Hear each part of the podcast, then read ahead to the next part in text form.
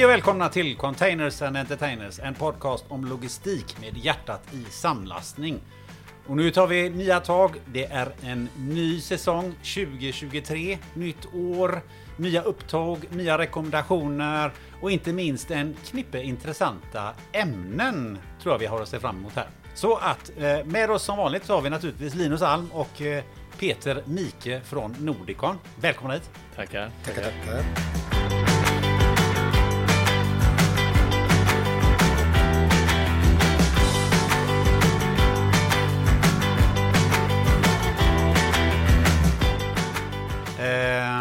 Ni, ser väldigt, eh, ni ser väldigt välstrukna ut tycker jag. Du är lite nyklippt du Linus. Jag klippte mig igår. Ja, du gjorde det ja. ja, ja. ja. När Vi, vi, vi, går, vi går till samma eh, frisör, Abbas, vi är runt kröken här. Vi har varit i 16 år. Ja, grejen är att man, jag har, jag har krockat honom. Så att eh, från det jag går in, öppnar öppna dörren tills jag betalat, alltså klippt, betalat och går ut så tar det 6 minuter. Ja. Och ändå tar han 165 spänn under bordet. Nej, Det han är tar- uppe i 230. Det tar lite längre tid för Svart. mig i och för sig alltså. Ja Ja. men du har ju hår, det har ju inte. Nej, jag vet, jag vet. Är det svart eh, eller vitt? Det, det är bara... Men han, han var skön Abbas, för Ja, vi gick ja. dit när vi första gången flyttade till Andra Långgatan Ja. här eh, med kontoret. Och det är ju, jag undrar om inte det är mer än 16 år sedan, men det spelar ingen roll. Eh, och så gick vi där, det stod 160 kronor tror jag Ja, han tog ja, det för tvätt och klipp. Mm. Och eh, nu tar han 200, vad sa han? 30 tar han. 230. Mm. Ja, så att eh, det är en bra, bra frisör. Han, eh, han ska man gå till, Abbas. Det är gott. Det, Mm. Vi öppnar eh, den här säsongen med ett tips rakt av. Gå till Abbas. Klipp er där. Jajamän. Så, sex minuter Sex det. minuter, tackar, tackar, tackar, tackar. Tackar, tackar. Ja, men det är så gott man är stressad liksom, att bara, bara går förbi så poff! Så, Underbart. Eh, vi startade ju den här podden en gång i tiden med första ämnet och det var ju terminalen. Ja. Minns ni det? Ja. Minns. Peter det? ja, Du var extremt... Du var- du var jävligt arg då kommer Ja, det var jag. Jag vill inte vara med på en podd, förstår du. Det. Linus Nej, lurar mig dig, jag tvingar dig. Ja, och han lurar mig. Vi har ju lurat hit en, en gäst för att prata om terminaler. För vi ska prata lite terminal eh, nu igen. Ehm, och eh, då har vi med oss Erik Wennerberg. Eh, du är terminalchef på Nordicon Terminals. Välkommen hit du också. Ja men tackar, tackar. Vi ska spela in dig eh, alldeles strax i, i samtalet här. Som du märker så är det tur att de har en samtalsledare här, annars hade du inte fått en syl i vädret. men, men jag måste ändå, ehm, ändå ställa frågan, alltså när jag ringde dig då Linus, för att jag vill ha lite hjälp att bära upp grejerna eh, från bilen. Mhm. Så svarar du Hej, är du sen? Vad var Ja, det för vi skulle, vi skulle börja klockan tre. Och du, var, och du ringde fem över tre. Ja, och när var du här inne? 15.38 var du inne i det här Ja, det stämmer i och för sig. Men eh, jag hade koll på att du inte hade riggat, så att jag, jag kom just in time som jag brukar. Mm. Just in time. Har, Peter, jag vet att du har en speciell förklaring på vad just in time för Linus betyder. Eh, jag hävdar att vi alla runt omkring har, vi lever ut efter CET, Central European Time Zone. Linus han lever under CLT, Central Linus Time Zone. För, och han, han är alltid i tid. Även om, även om han är 38 minuter försenad så är han i tid. Ja, Okej, vad roligt att du var i tid idag Linus. Ja, ja, ja, ja, absolut. Ja, du, så skickar du ner Erik för att, för att hjälpa mig. Det Ja, ju men jag satt i möte. Ja, ja, ja, var viktiga grejer. Ja. Mycket bra. Mycket bra. Ja, men det var mycket bra. Det var ett, eh, härligt att eh, få träffa dig direkt nere vid bilen, Erik. Du, jag jag funderar på det. Eh, Du, du hade ett rejält handslag. Är du, lyfter du in containrarna själv ibland? Eller liksom? Inte nu längre. Nej. nej. Jag gjorde ju det i början. Ja, jag förstår det. Ja, nej då, skämt åsido. Nej, men jag har väl, jag kanske har ett rejält handslag. Ja. Ja. Mm. Man vill ju liksom på något sätt hälsa så det känns. Det värsta som finns är ju när man hamnar i det här läget att man liksom fingrarna bara åker ihop och man märker att man inte har någonting att Döda hålla fisken. emot med. Döda Ja, döda fisken, fisken. ja. Det är ju inte bra. Det med- ger inte ett bra intryck alltså. Nej, det gör det inte. Nej, det är det Ja. tyvärr. Att, att krossa den andras fingrar, det är bättre. Ja, det är bättre. Man får vara snabb liksom. Just i det där läget innan man nyper åt. Då måste man vara snabb in. Nej, men jag tycker du gjorde det jättebra. Ja, men tack. Toppen. Om vi skiter i handslagen och kastar oss in oss i dagens, eh, eh, i dagens ämne. Ehm, du, ni har ju faktiskt ett, ett korplag där ute på, på Nordicon Terminal som heter Containers Entertainers. Ja, precis. Jajamän. Nej, men vi startade ju det här förra året. Inför den säsongen bestämde oss för att ha ett, eh, ett eh, korplag lite grann för att hålla ihop gänget och göra lite roligt med personalen. Och eh, vi började ju liksom fundera på vad finns det för namn? Och någonstans så tyckte vi att det var ju fantastiskt roligt att och liksom ta rygg på denna podd och kalla det Containers och Entertainers. Så att eh, egentligen utan att ha rådfrågat sådär jättemånga så gjorde vi bara slag i saken och döpte det till det. E- Emil ringde mig och frågade om det okej faktiskt. Det var nog redan tryckt då tror jag. Men, Ja, precis. Jag tror tröjorna var tryckta, men sen ringde han. Ja. ja, ja, vi tyckte det var lite roligt faktiskt. Så att, eh, ja men det stämmer. Det är stämmer. ju hedrande Ja. åt den här podden tycker jag. Ja, det tycker jag. Sen Ja, behöver man ja, inte titta på resultaten för laget kanske, men, men eh, ja, det var blandat. Ja. Det var stundom bra, stundom inte riktigt lika bra. Men, ja. Mm. Mm. Ja, men lite sämre den här podden då alltså. ja, det skulle jag nog vilja säga ändå. Det kan vi nog ändå erkänna.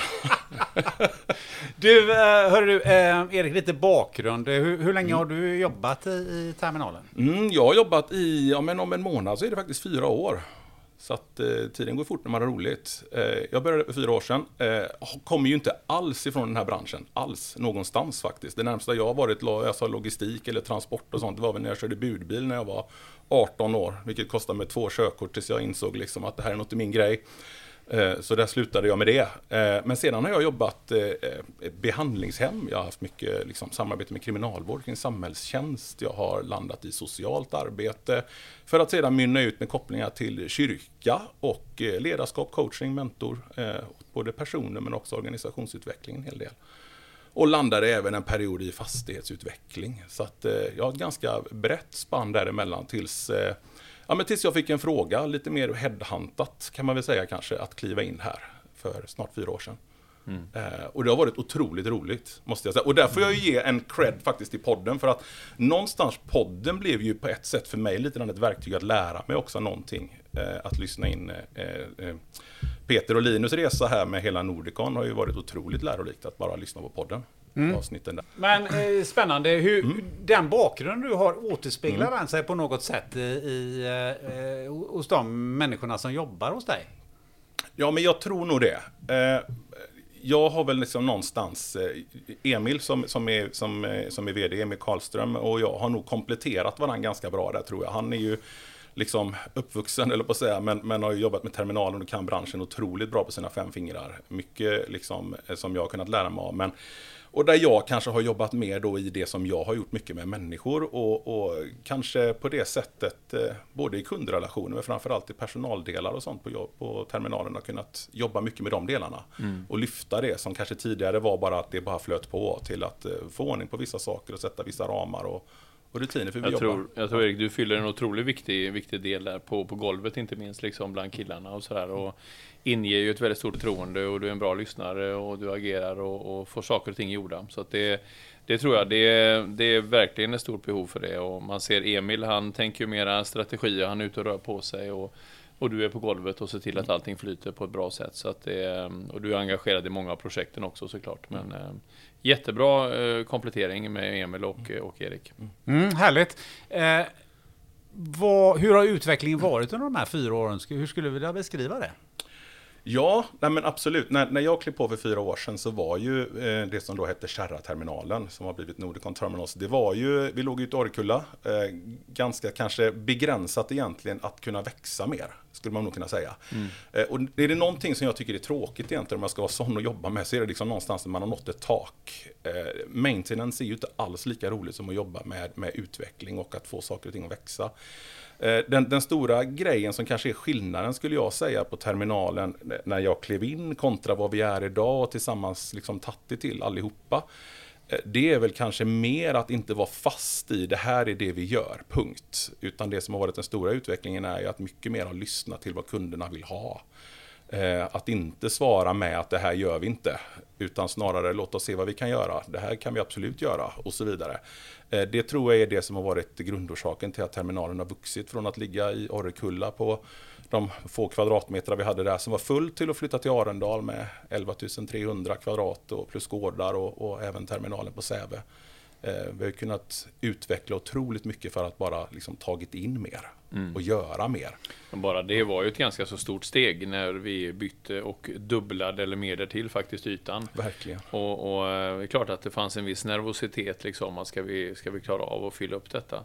Men det gick ju inte mer än ett år, ett och ett halvt, sen var det proppfullt liksom. Ja. Och, och eh, sen har det fortsatt på den banan där. Så att, vi håller på att titta på nya utvecklingsprojekt och så vidare och terminalen är ju en otroligt spännande eh, verksamhet liksom att följa.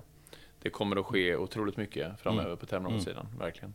Och ordet utveckling eh, ska vi ta med oss här nu för att en av de utvecklingsprojekten som har varit och som ni har sjösatt det är ju ellastbilar eller ellastbil. Berätta. Ja, precis. Ja, men, eh, man kan väl säga så här att för ett par år sedan egentligen så började väl det med att vi kikade på eh, hur, hur grön kan vi egentligen som terminal bli? En, en terminal i samlastningsbranschen kanske inte det är det som när man, när man pratar om det ligger överst, om man säger så. Men likväl så märkte vi någonstans att det börjar komma frågor från kunder Eh, kring hur vi tänker, hur jobbar ni med miljö och hållbarhet och sådana här saker. Och liksom när vi tog en kontakt med vår truckleverantör så blev det naturligt att se liksom på att ja, men varför ska vi ha dieseltruckar i vår exportverksamhet? Och vi började byta ut den truckflotta vi har till eldrivna truckar istället. Och det fanns väl en viss skeptism, kanske från både våran sida och andra sidor huruvida det var hållbart liksom i längden driftmässigt, eftersom en dieselmotor bara går. Medan du måste ladda batterier för att köra en eltruck. Men när vi märkte att det funkade och vi började skifta hela den flottan vart efter leasingavtal och sånt gick ut så, så kom ju även den här delen framåt eh, i utveckling med. Eh, att, att det började pratas om dragbilar som gick på el och sett till våran egna trafik eh, så, så när vi inledde samtal med, med, eh, med åkeriet kring de här delarna så, så blev det liksom en sak som kom upp där vi faktiskt kunde trycka på lite och säga men vi vill att vi ska kunna gå den här vägen. Vi visste att de hade börjat med gasbilar och vi tyckte men hallå varför inte ta det här hela vägen? Det finns ju eldrivna bilar och, och avståndet från Göteborgs hamn till där vi ligger idag är ju inte så långt faktiskt utan det ligger ju väldigt nära idag. Eh, vilket gör att då blir det ju möjligt att göra det. Sen ligger väl det, jag ska bara flika in där, eh, som, som Erik säger, att eh, de här eh, tankarna kring att liksom miljöanpassa sig och bli mer miljövänlig och så vidare, det startar ju någonstans från att som du säger, kunder sätter press på er och ifrågasätter detta. Mm. Jag ser ju samma sak inom i Nordicon där vi är ISO 14000 certifierade. Eh, och där vi som samlastare får påtryckning från speditörerna som ställer krav på oss. Vi ställer i våran tur krav på våra underleverantörer som i detta fallet är terminalen. Och den här kedjereaktionen är precis det som, som miljöanpassning och miljöutveckling handlar om. Liksom att du, du, du ställer krav och du sätter press på dina leverantörer att bli mer miljövänliga. Precis som ni gör på truckleverantörer och på bilsidan. Ja, för, eh, för att flika in där. Vi hade ju Elvir eh, Sanic från eh, Göteborgs Hamn här tidigare i podden. Som ju berättade om att det kommer att kosta avgifter att köra dieselbil ner in i hamnen. Medan ni får en gräddfil vad jag har förstått. Ja, det är, som, som vi har förstått det så kommer det ju bli en, ett separat spår för de eldrivna bilarna att helt enkelt köra förbi köerna som ibland blir i hamnen av olika skäl. Eh, för att de vill eh, premiera det helt Ja, enkelt. Ja, och en kostnad för de som icke är eldrivna. precis. Så ni kör alltså containers till och från hamnen och till, till eh, terminalen. Eh, Men det är inte eran bil. Vem är det som... Eh, Skaraslättens transport är det som vi eh, har. Så det är deras dragbil men den är en av deras tre dragbilar då är, är 100% i våran drift. Och den laddas på... Den laddas i dagsläget på en laddplats i hamnen, men vi håller på och är väl egentligen bara veckor bort ifrån att ha, det blir väl tre stycken laddstolpar på terminalen för att kunna ladda detta. Och det är intressant också, för där är våran fastighetsägare alltså verkligen på och vill, eh, vill vara med och stötta den grejen, för att de ser ju också liksom någonstans att det blir en fjäder i hatten för dem att kunna erbjuda laddplatser. Precis, du ser ju vilka, vilka ringverkningar det här får. Absolut. Liksom. Det, Ja. Börjar du nästa, nysta i detta så är det klart att det dyker upp mer och mer och mer möjligheter. Och någonstans ska man börja. Att vi har en dragbil nu och att vi har en full flotta med, med eltruckar. Eh, Det är ju bara början liksom. Och det kommer uppstå fler sådana här möjligheter som vi kommer att se på. Men det kan man ju tycka liksom. En eldragbil är ju liksom ingen kioskvältare. Men det verkar som ni har vält eh, kioskerna i internationell press inom ert område. Ja, det Kan du ta otroligt vilket genomslag det fick. Alltså. Vad, vad, vad, vad hände Linus? Nej, men jag tror att eh, dels så var det ju eh, det som vi själva publicerade och Nordicon Terminals eh, rullade ut i form av LinkedIn-post och eh, nyhetsbrev och annat. Eh, sen var det ju inte minst Skaraslätten som gjorde samma sak och sen var det ju även hamnen inte minst. Och där tror jag hamnen, Göteborgs hamn som var närvarande när vi rullade ut den här trucken, eller vi var ju där och ett, ett team från hamnen. Eh, de har ju varit ganska duktiga också på att köra ut detta i sina sociala kanaler. Och eh, de får nog också ett väldigt, väldigt stort genomslag. Så det här var ju, ja vi gjorde ju någon sökning på det, det var ju ett 20-30-tal eh, internationella eh, internettidningar eller olika hemsidor och liknande som publicerade en artikel om det här. Glöm inte en viktig del också. Att Skara startade upp en chippiskväll gjorde de. Och så hade de den bilen precis utanför chippis-eventet. Ja, och det kan jag det. säga, det var, jag var där själv. Det Ja. var typ, ja, jag säger runt, runt 200 pers där. Magisk kväll var det. Mm. Ja, Episkt. ja. Kan jag säga. Men vi kör ju inte bara eldragbil, vi håller på med, med eh, järnväg också. Ja, vi är i alla fall på gång att hålla på med det. Eh, alltså, och det har vi på rätt sätt, vi, vi, vi sa här att vi var ute med en, med en kund som var och tittade på vår terminal och, och lite den kanske på ett sätt snubblade över det där spåret som vi har vetat är på baksidan men, men, eh, av terminalen men som vi inte använt egentligen innan. Eh, vilket har ju liksom lett oss ganska snabbt in på det spåret som terminal också. Eh, och eh, det finns inte så många terminaler faktiskt idag utanför Göteborgs hamns område som är anslutna idag. Och jag tror inte att det kommer byggas ut eller ges möjlighet till sådär jättemånga heller faktiskt. Att Nej, komma jag tror till, för det är Har, ganska du, har du spår så har du spår, ja. Ja, Eh, ja. Ja, det var ju någonting som vi, eh, jag vet när vi tittade på den här lokalen från första början så, så såg vi att det var ett järnvägsspår på baksidan men det var ju lite igenvuxet och det såg ut som att det kanske var ett gammalt Det, avstängt det var spår. också snack om, ska vi ta bort det så vi kan köra där? precis. Det minns jag. ska vi asfaltera över det? Ja, det var Ja. faktiskt så. Eh, Men eh, vi lät det vara och, och det visar ju sig nu när ni har undersökt detta att det går ju mycket, mycket bra Ja, att, att leda fram järnvägar den vägen fram till terminalen. Och där har vi ju en lastbrygga på baksidan där vi kan eh, lasta och lossa järnvägsvagnar. Så Ja. att eh, det här kan- ju bli en, en eh, riktigt spännande utvecklingsmöjlighet för terminalen. Verkligen. Och, och det märker vi också när vi har liksom börjat att, att eh, prata om de hanteringarna som finns, som är väldigt attraktivt att dra in på tåg. Det är ju pappershantering exempelvis. Att det har ju liksom förfrågningarna där har ju vuxit explosionsartat. Bara det att man har börjat andats lite om det här. Eh, Så att det, det är jättespännande och, och någonstans så finns det ju Det finns ju export utav sånt som går utomlands också där de vill ha vändande trafik tillbaka upp till Sverige med, med samlastning i tågvagnar och annat och då blir det ju också liksom en fråga vad ska vi då lossa det här styckegodset som kommer från södra Europa, Italien, Frankrike, Spanien och så vidare. Där plötsligt vi då kan erbjuda, ja men vi har en tåg en tågterminal och, och, och, och kan erbjuda även lossning av sånt som kommer in. Hur stor är efterfrågan eh, när det gäller papper just? Efterfrågan på papper är mycket större än vad vi hade en aning om, ska jag säga. För att vi har inte hållit på med det. Vi hade ju inte verktygen ens egentligen för att lossa och lasta papper i form av klämaggregat och annat. Men, men eh, man kan väl säga så här, vi fick en förfrågan på om vi kunde göra ett test lite grann och, och ta in 80 ton tror jag det var vi fick en förfrågan på att hantera här i mellandagarna åt en, en speditör. Och, och några dagar senare så blev det en fråga om 800 ton istället som kom in i mellandagarna, vilket vi hanterade med, med väldigt, väldigt goda vitsord ifrån den kunden som, som eh, vi jobbade med gentemot det. Då. Eh, så att papper verkar vara en, det är en, det är en stor bransch och vi vet ju att det finns mycket, bara att vi har inte hållit på med det innan. Nej. Potentialen är mycket, mycket, mycket större än det vi kan hantera på i våra lokaler i alla fall. Så att, Ja, eh, så är det. Ja. Så är det. Fantastiskt. En annan grej om man nu pratar eh, miljöarbete och, och, och eh, terminalen. ehm, jag vet att du nämnde för mig där att, eh, att det, det kom ju in en del, eh, en del skräp och grejer i eh, containers också som ni får ta hand om.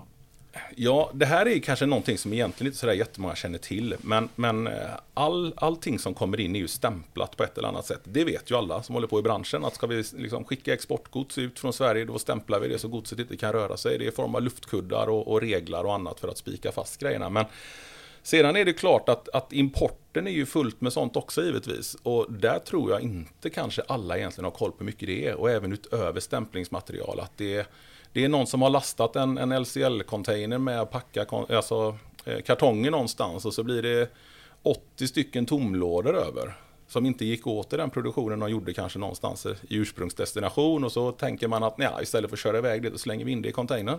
Mm. Så skickar man med det eh, som, som eh, lullull mm. för oss att fundera på vad vi ska göra med och för oss blir det ju egentligen en, en i slutändan faktiskt både dels en avvikelserapportering för vi har koll i containern som inte ska vara där i form av mm. liksom, lösa kartonger som inte är någonting i. Eller tillplattade som inte ens är, är använda. Liksom. Och det är också en fråga om hantering av allt skräp då, som det faktiskt blir. Vi mm. lossar ju faktiskt till och med lunchlådor emellanåt och, och halvt utdruckna McDonalds-flaskor och, och, och, burkar och annat. Liksom.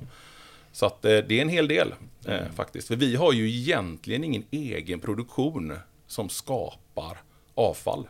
Egentligen om man ser på det. Utan det avfallet vi har är ju till 100% i princip eh, skapat utav det vi lossar. Men det är ju lite grann, det tycker jag är uppseendeväckande, liksom att, man, att man slänger in så mycket skräp, använder det som en sorts skräpcontainer och sen siste, siste man får ta hand om det.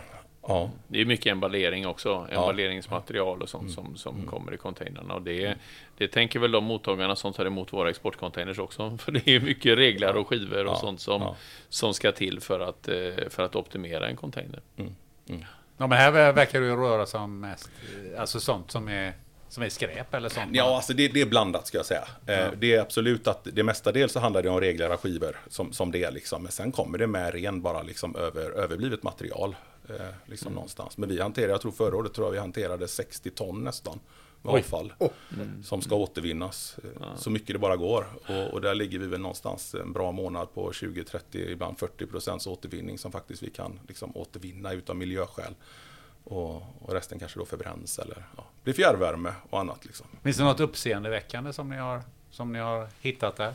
Som nej, kan berätta om? Det, det, det tror, nej, det, nej, inget uppseendeväckande. Inte, inte i alla fall så allvarligt. Nej, en död elefant låg en gång i... Nej, eller vad tänkte... tänker du på som är uppseendeväckande? Ja, men jag, nej, nej men alltså, det är klart stort. att det kommit djur ibland, men nej, inte, inte, inte stora djur. Men, men, nej, det är ju en anakonda. Ja, men jag brukar ju prata om de här lamadjuren. Alltså, det, alltså, Nej. Nu, nu blir han trött mig. ja. Spindlar och ödlor kanske. Nej, men, inga men inget mer än så. Ja. Inga större Inga, lamadjur. Nej, en liten elefant Nej, men det är bra. Du ser det här att man, man skickar inte döda lamadjur i containers. De inte. överlever faktiskt. Det gör man inte. Nej, jo. det tror jag inte. Jo, det tror jag.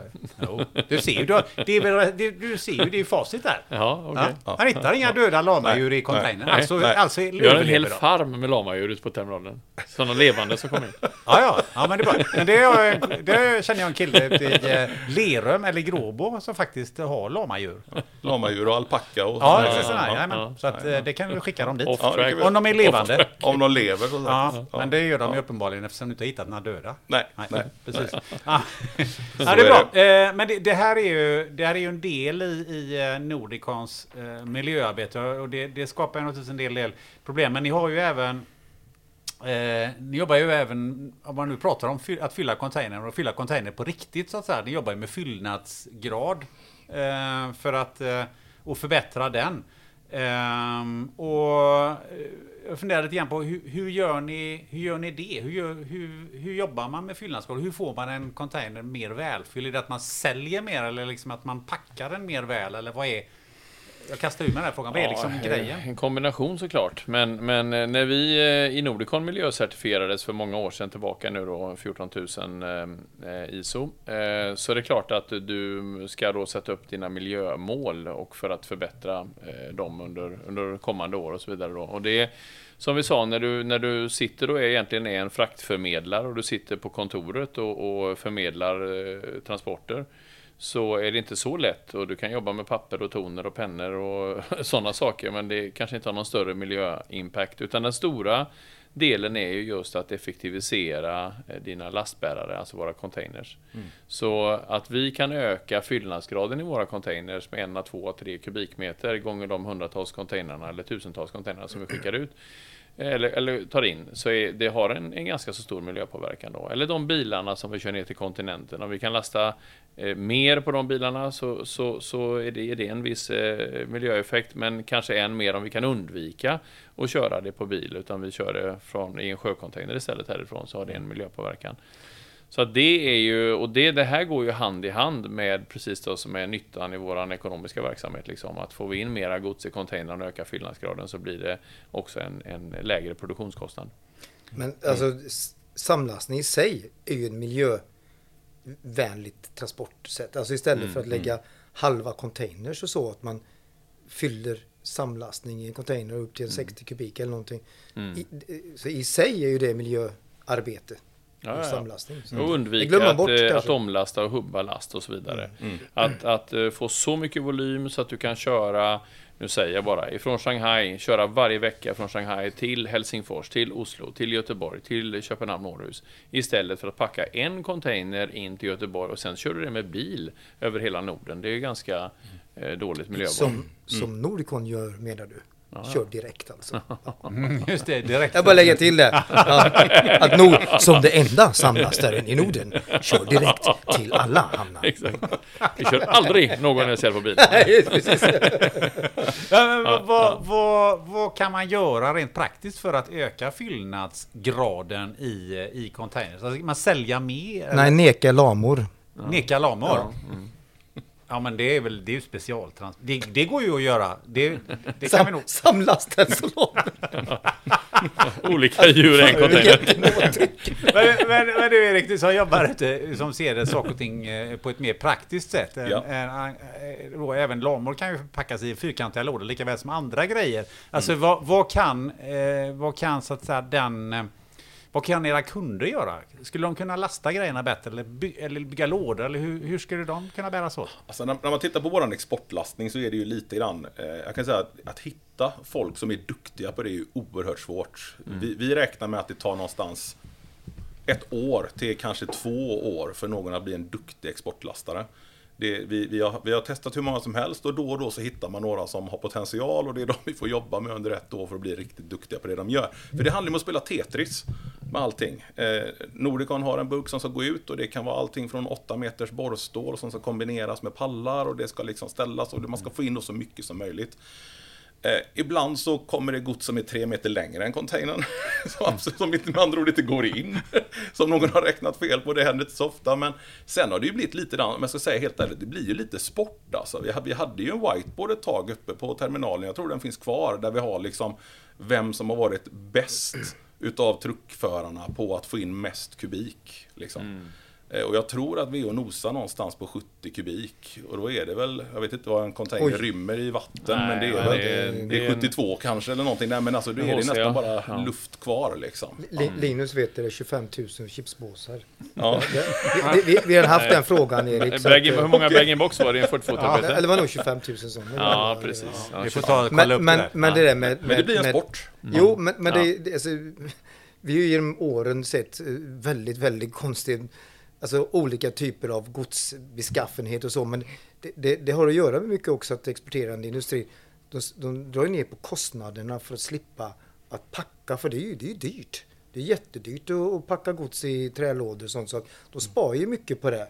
Eh, Tror de kanske, men, men det är också är det kanske okunskapen att förstå hur godset hanteras när det kommer i en container tillsammans med massa annat opackat gods. Det, det är skaderisker och sådana saker. Så att det, det, det, Ja, det är en väldig skillnad på fyllnadsgrader om du får in, eh, om du bara får allting i fina trälådor som du kan stapla som ett Tetris som Erik säger, eller om det kommer eh, turbiner på pall och sådana saker, eller väldigt tunga kollin som du absolut inte kan ställa ovanpå någonting annat.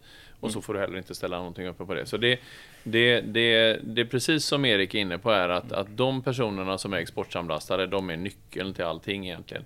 För vi kan ju sitta här på kontoret och göra en lastplanering, men sen när godset faktiskt kommer och fysiskt, det är rätt imponerande att se när de ställer ut allt gods på gården liksom, eller på marken. Och Direkt så ser de att den går före den och den går uppe på den. Och Det är en viss eh, kunskap och vissa är jädrigt duktiga på det där alltså. Där skulle jag faktiskt eh, utmana dina gubbar. För när jag jobbade en gång i tiden på ICA Eols lager i Rolfsbo i Kungälv. Ja. Och då åkte man kring med en truck och så packar man kolonialvaror i såna här RC, så rull, rullcontainers, alltså såna här som man har ute i butik. Och jag fick alltid kritik för att jag packade dem så jävla hårt och så att det fanns liksom det blev lite för tungt och det blev lite, alltså fan vad du packar dem så, så jäkla hårt och så Söker du väl. jobb nu på Ja, terminalen? Ja, jag tänker Det är jag berömd att över. snacka säljer sig själv nu. Ja, jag tänkte du liksom jag säljer in mig där. Fan vad fel det Ja, blev. ja, det, nej, det har jag gammalt liggande i en låda så här. Ja. men däremot så skulle min fru, hon skulle inte ha en chans att jobba ute och se. Hon klarar inte av att packa diskmaskiner. Nej, nej då. Ja. Ja, så är det med den saken. Var det. Det? Hon, hon får stå i mål i eh, korplaget istället hon. Ja, det finns en öppen plats där. Ja, ja, ja, Det är mycket off track här nu alltså. Ja, ja.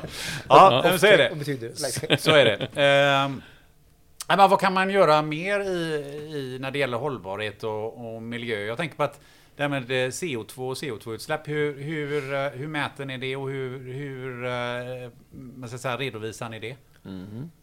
Oj, vilken... Du behöver inte berätta Enkel fråga. hur direkt Peter. Var, Nej men, ja, men vad, vad vi, vi har en ehm, sån ehm, eh, CO2-kalkylator i vår ehm, portal.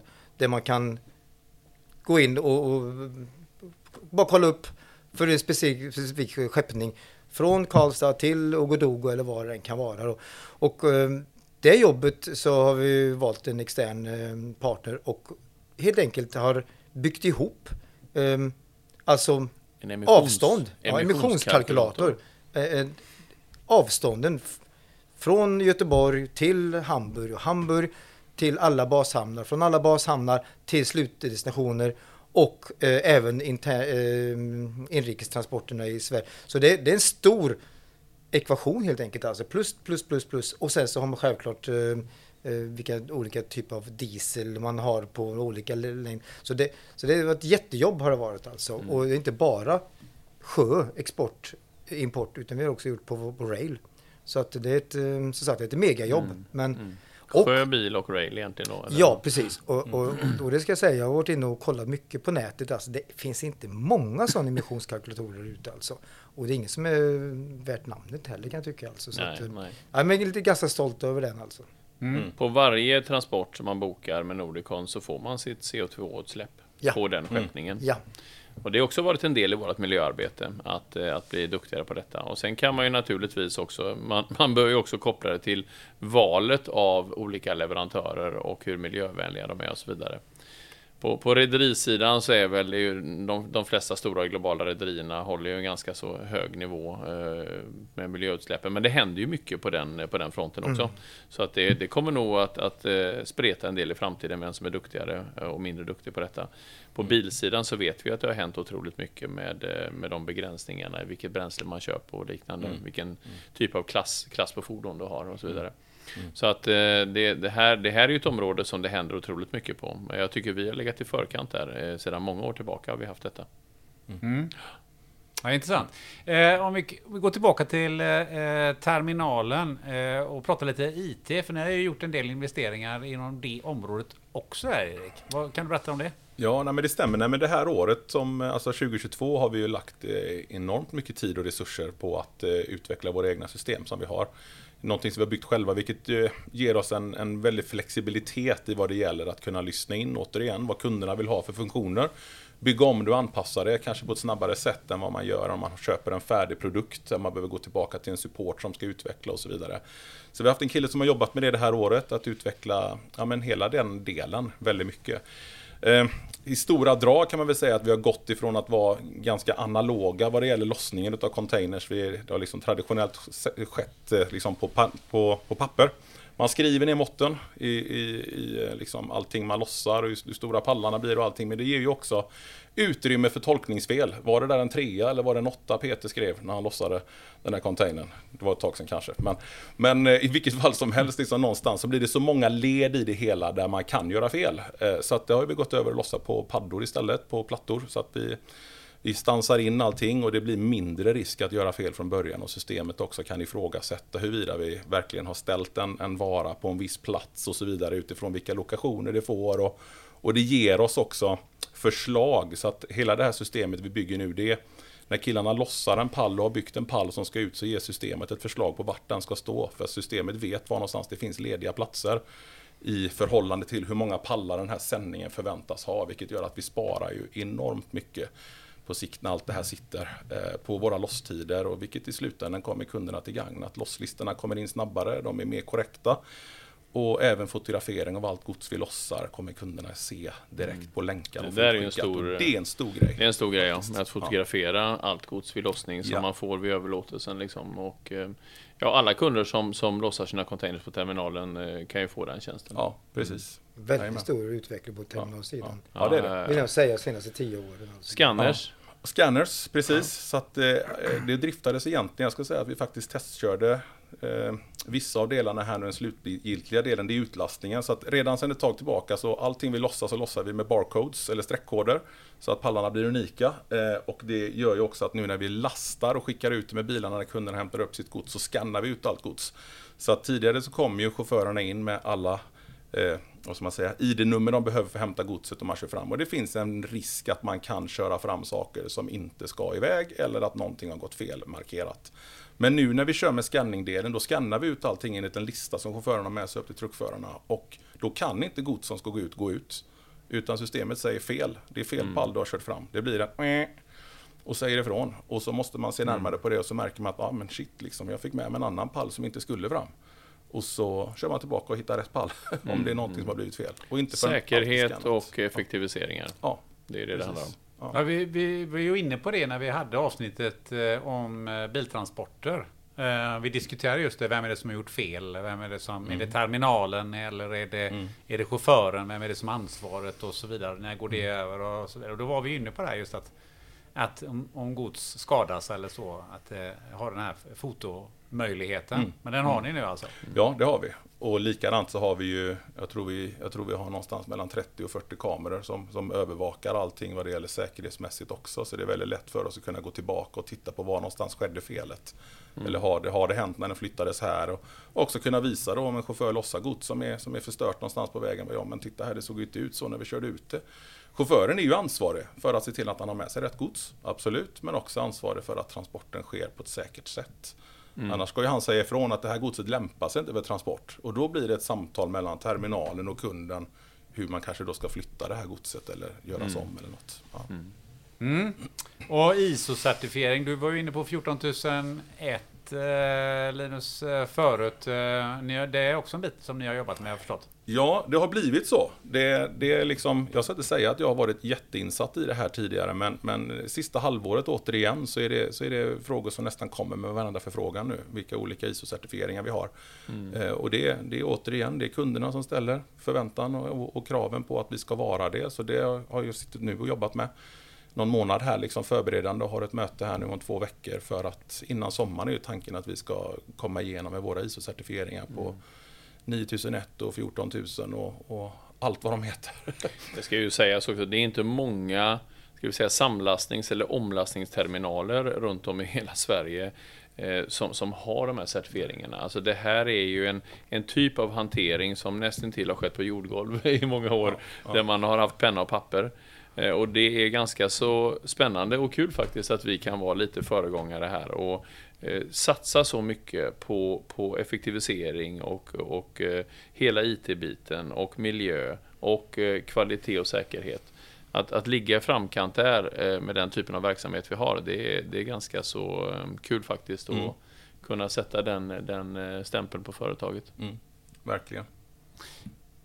Vi ska ju börja avrunda så småningom här.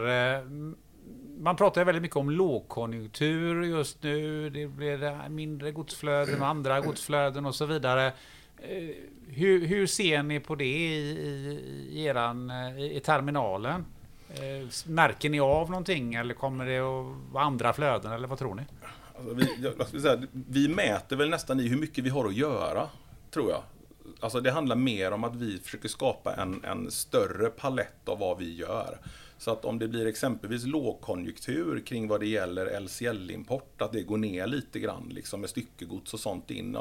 Då innebär det ju att vi egentligen får mer utrymme på terminalen och då blir ju vårt arbete att fylla det med annat i nya hanteringar och det är ju egentligen någonstans där det gäller att ha den här känslan av att jobba dynamiskt, att nu går det här ner men då kan vi jobba lite där mer med vår lagringssida och ja, pick and packen som fortfarande är en ganska outvecklad och utforskad del hos oss. Liksom. Nu kanske det ges utrymme för att jobba mer med den. Så att man märker lite grann att, att, att när, när vissa saker svänger och går ner, då blir det ofta en större efterfrågan då istället på lagring exempelvis. För att nu konsumeras det mindre och till slut blir eh, leverantörernas egna lager fulla och då behöver de andra alternativ att lagra det på.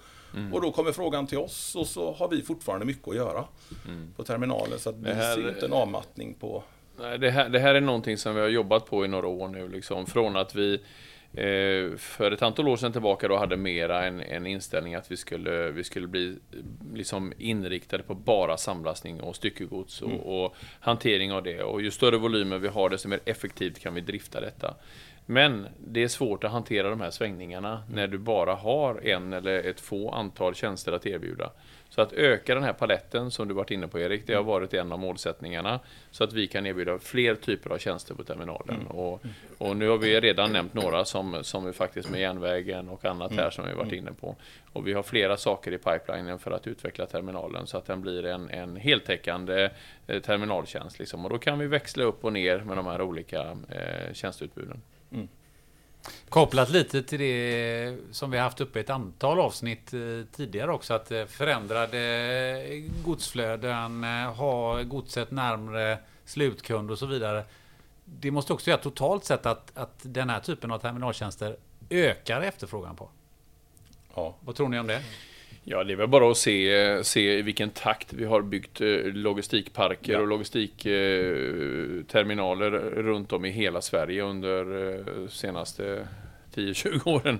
Absolut, jag menar alla har ju sett att den här efterfrågan ökar. Eh. Men sen så ska man ju vara lite försiktig också. Det har ju byggts otroligt mycket. Och frågan är liksom tillgång och efterfrågan, när, när det blir en obalans där. Mm. Mm. Det är svårt att, att säga om, men att det är en tillväxt på, den, på terminalsidan, absolut. absolut. Alltså det inte blir som med paddelhallar? Att det plötsligt alla ska tro att man ska spela ja, padel så mycket man varenda, varenda tom lagerlokal har ju blivit en paddelhall till att nu förmodligen gå tillbaka till att bli lager igen. Och samtidigt har det ju under samma tid projekterats och fortfarande projekterats enormt stora ytor som ska bli logistikparker. Mm.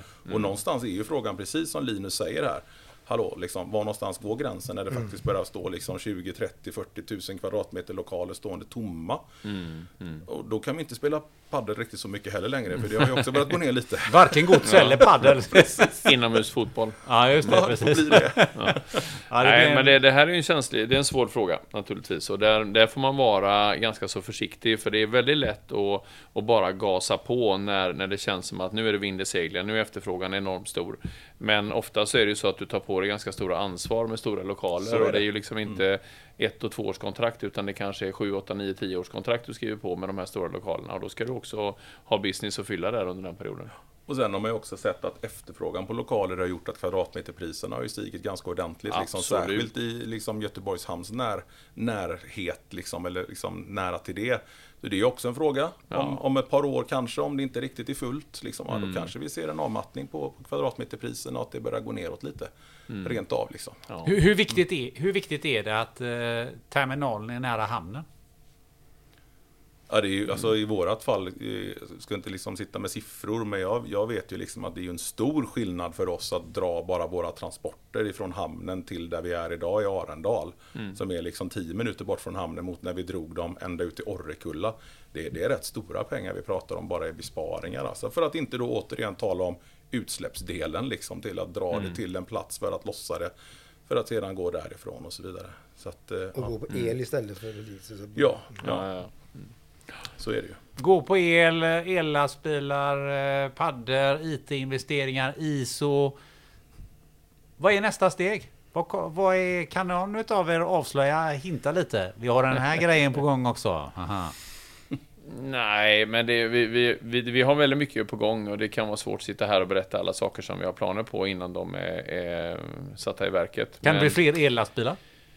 Eh, ja, det tror jag säkert att det kan bli. Eh, men, men det handlar nog väldigt mycket för, för Nordicon Terminals del i alla fall att, eh, att fortsätta utveckla verksamheten. Vi har lärt oss otroligt mycket på de här eh, tre åren, eh, senaste åren kanske när vi har eh, haft en, en fokus på att bredda vår verksamhet och så vidare. Och kanske också har lärt oss lite grann var, var vi ska befinna oss mm. på marknaden. Eh, Så att, eh, ja, jag- ser fram emot att bara fortsätta den utvecklingen egentligen. Mm. Ja, kan bara stämma in. Du kan bara stämma ja, in. Absolut. Ja. Och det, precis, jag bara säga som jag sa förut, att det roligaste att jobba är ju när man ser att det finns någonting att utveckla. Mm. Och att man liksom inte har nått taket i, i, i det man gör eller liksom vad vi kan göra. Eh, Så det är väl där vi liksom lägger våran kraft någonstans tror jag. Det är lite grann det är att se vad kan vi göra framåt? Vad kan vi hitta på nu? Hur kan vi utveckla det här? Hur kan vi bli bättre? Eh, Vi vill vara en bra terminal. Kunna erbjuda alla tjänster som efterfrågas och, och så länge det liksom går att utveckla det och bli bättre på det så är det ju fantastiskt roligt att hålla på med det. Så är det. Det vi gör det är ju att vi, vi utvecklar ju den här podden och vi har ju, vi har ju utvecklat, en av de senaste grejerna vi utvecklat de sista avsnitten det är ju att eh, det här med rekommendationer. Och jag vet ju att Peter han har ju, han har ju laddat för det här ända sedan förra avsnittet. Jag tror jag har sagt så här, jag, jag, har, jag, jag, jag vet vad jag ska rekommendera. Så, här, va? så att, så att jag tycker vi avrundar med lite goda rekommendationer. Peter, vill du släppa det nu Ja. eller ska, jag- ska passa Ska, ska det? jag köra det? Jag, för det, det blir alltid en överraskning det här. Alltså, men den här gången Ja. kanske du märkte att jag var lite tyst här nu på minuter. Ja, du har- för, jag funder, för, jag, för jag förstod när det kommer här. Ja. Så vad fasen ska jag rekommendera idag då? För jag, jag har ju... Har det med mat eller sprit Jag har stickit ut eh, lite grann eh, med mina rek- rekommendationer. Det Det förstår jag. och- Nej, men jag, vet du vad? Jag Ja. har svårt att välja jag har två stycken faktiskt. Jag vet inte vad jag ska börja med. Men, men det, det här är första avsnittet så du får ta båda. Nej, men, jo, men det, det, antingen hopprep Ja. eller jordnötssmör. Det är de två jag väljer på. Okej. Alltså hopprep det är en Ja. fantastiskt bra motionsform. För vi som kanske har svårt att springa och sådana saker. Ja. Hopp upp och ner är ju sketbra. Det, det, det- den, den är, ja, det var nära det. är, det, är, det, är, men- det, måste bara fråga, är det ett tips som du har fått via din, din hustru då? Ja, kan man säga. Ja, ja, Ja, hon är ju i den sen, branschen. Ja, Ja. och, men sen... Då, då, Och då- jordnötssmör. innovativt. Jo, men så fastnar jag, fastnar jag på jordnötssmör. Ja. För det är ju bättre än- jag- på mackan istället för smör. Så jag rekommenderar jordnötssmör. Jordnötssmör. Och den passar sketbra till Julsmör. öl. Det fastnar i Jordnötssmör. Jordnötssmör. Det med öl är det jättegött. Det? Ja. Jag kan re- rekommendera. Jaha, Ja. ja. Jag, jag hörde någon i morse som hade det i gröten på morgonen. Alltså peanut butter. Ja. Alltså, det Alltså, är ursäkta, Li- Linus är så jävla... Alltså, han har vart, vart tionde ord är engelska alltså. Det, ja, ja. man har lite svårt att fatta vad det är som. Han bara kastar. Och så, vad fan säger han? Jag, jag får nog fråga vad det heter. Alltså, jag, tror inte, jag tror inte han vet vad jordnötssmör är utan Jo, han, jo, jo. han köpa han importerar det jag. Har haft ett helt avsnitt på engelska? Ja, Han står jordnötter och kärnar och smör. En skön... Och jordnötssmör och öl. Ja, Tackar, nu, tackar. nu, nu var vi lite ofina då, så att gästen fick ju inte börja med den här rekommendationerna. Men, men eh, Erik, vad, vad skulle du vilja rekommendera bara Oj. sådär? Eftersom det ofta är just tal om mat och vin och så, så Mm. tänker jag då kör jag ett friluftstips då. Bra. Sandsjöbacka naturreservat. Ja. Bra grejer Det- alltså. jajamän. Ja, mellan, mellan Lindome och Bildal så finns det massa skyltar in överallt att det finns vandringsleder. Ja. Ja, ut och gå där. Där har jag varit flera gånger. ja, du har det? Sandsjöbacka, Ja, du ser. det är fantastiskt bra. absolut. Jag gick, jag gick sex kilometer där i lördags med min hund och, Ja. och sen fick jag åka till Kalanderska dagen efter. Men det, Ja, det såg, inte, såg inte du när vi satt och hade picknick där på berget då? Nej. Nej. Var, ni var där i lördags? Nej. Med öl och, och, och jordnötssmör kanske. Ja, Picknick med varför jordnötssmör. lutar du så nära Ja. micken? Det var lite lerigt, men, men eh, mycket fint. Fina vyer. Ja. Ja, det Ja, men är det finns det något särskilt där som du skulle rekommendera i Sandsjöbacka-området här? finns det liksom en där, det, det är ja. en väldigt bra Om- Om du vet den här grillplats stigen som eller går upp på högersidan, Ja. ja. den är väldigt fin. den röda slingan eller något? Nej men längst upp på myren är ju fint alltså, tycker jag, när man Mm. kommer längst upp på åsarna där. Man ser de åsarna när man kör E6 söderut på höger sida efter Skällmackarna där. Där uppe är Sandsjöbacka. jättevackert. Fan, det kommer bli trångt där uppe nu när du har sagt det här i Ja det podden. kommer det bli, ja, Ja. med alla lyssnare här så, ja. Sandsjöbacka naturreservat. Ja, Eh, Linus, eh, vad, vad kontrar du med då? Oj, oj, oj. Ja, jag, jag, jag kör på det onyttiga spåret här då. En, en grej som har flyttat upp mycket, vi har pratat mycket vin, ja. mycket alkohol är det Nej, generellt sett, ja, chips och grejer. jajamän, ja. Men det senaste nu som jag har fastnat, eller vi hemma har fastnat i helt och hållet, det är ju drinkar. Drinkar? Ja, det har fått en sån revival alltså. Jaha. Drinkar, ja. Jag, eh, jag stod hemma en kväll och, och blandade massa drinkar, jag hade lite drinkrecept och jag har gjort egen sockerlag med olika, olika smaker på vaniljsockerlag och kanelsockerlag och grejer. Och sen så skulle jag vara lite påhitt och tänkte såhär, fasen jag måste hitta på någonting. Så jag öppnar frysen och så ser jag, fan det låg ju en Piggelin där inne.